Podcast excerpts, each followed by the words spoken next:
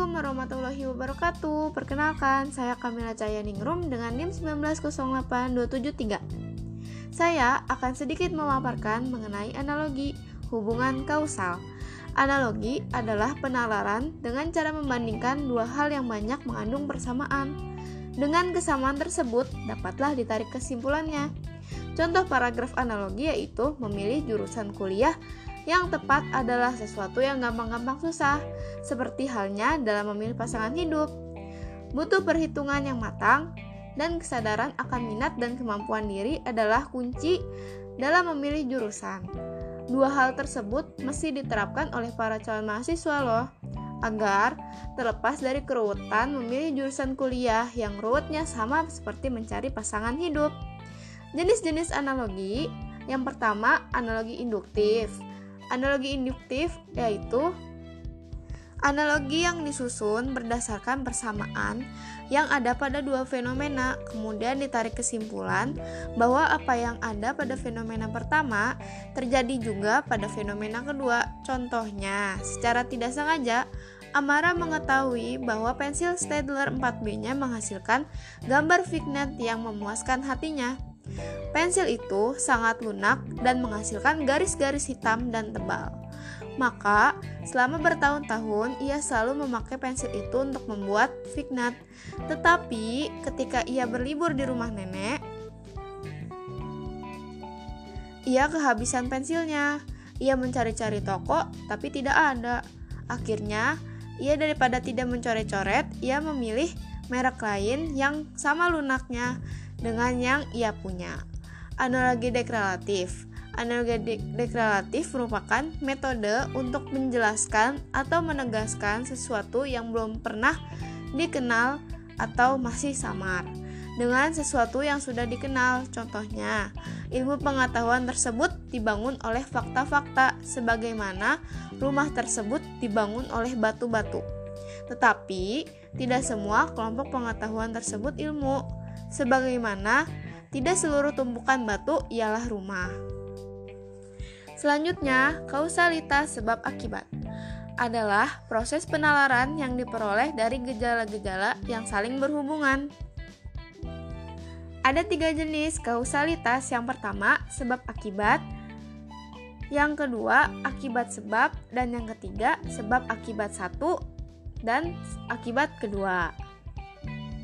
Sebab akibat ini berpola A menyebabkan B. Contohnya, Andi suka membantu sesama tanpa pamrih. Dia juga selalu baik terhadap semua orang. Sikapnya yang sopan membuat dia mudah diterima di lingkungan mana saja. Tidak hanya itu, dia juga memiliki tutur kata yang lembut.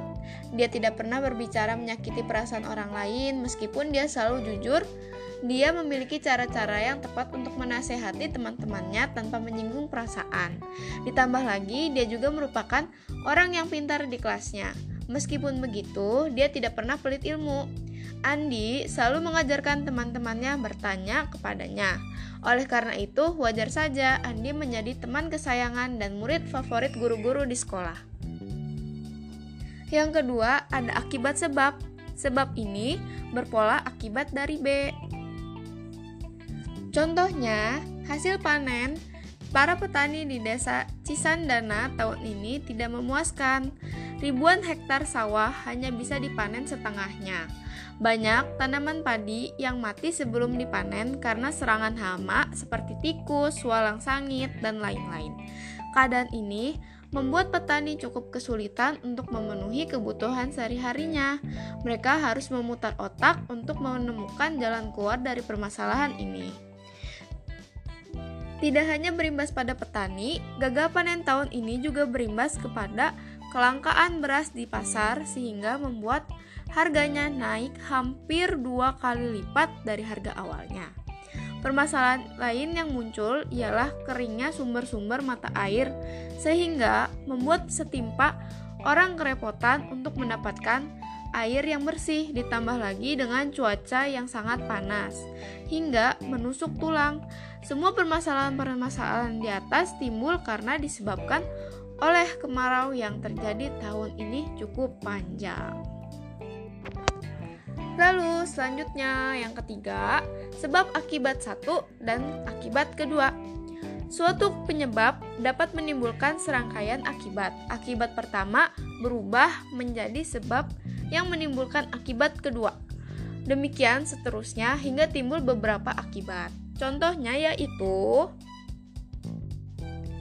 kerusuhan yang terjadi pada beberapa puluh tahun yang lalu membuat uang sangat sulit didapat banyaknya uang yang hilang, terbakar, maupun rusak. Oleh karena itu, pemerintah kembali mencetak uang sebanyak-banyaknya untuk mengganti uang-uang yang hilang tersebut.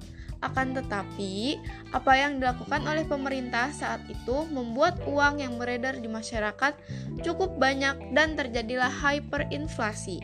Akibatnya, uang menjadi tidak berharga dikarenakan perendahannya yang sangat banyak dan juga terjadi krisis moneter. Sekian penjelasan mengenai analogi hubungan kausal. Saya kira cukup yang dapat saya sampaikan. Mohon maaf apabila terdapat kekeliruan. Terima kasih. Wassalamualaikum warahmatullahi wabarakatuh.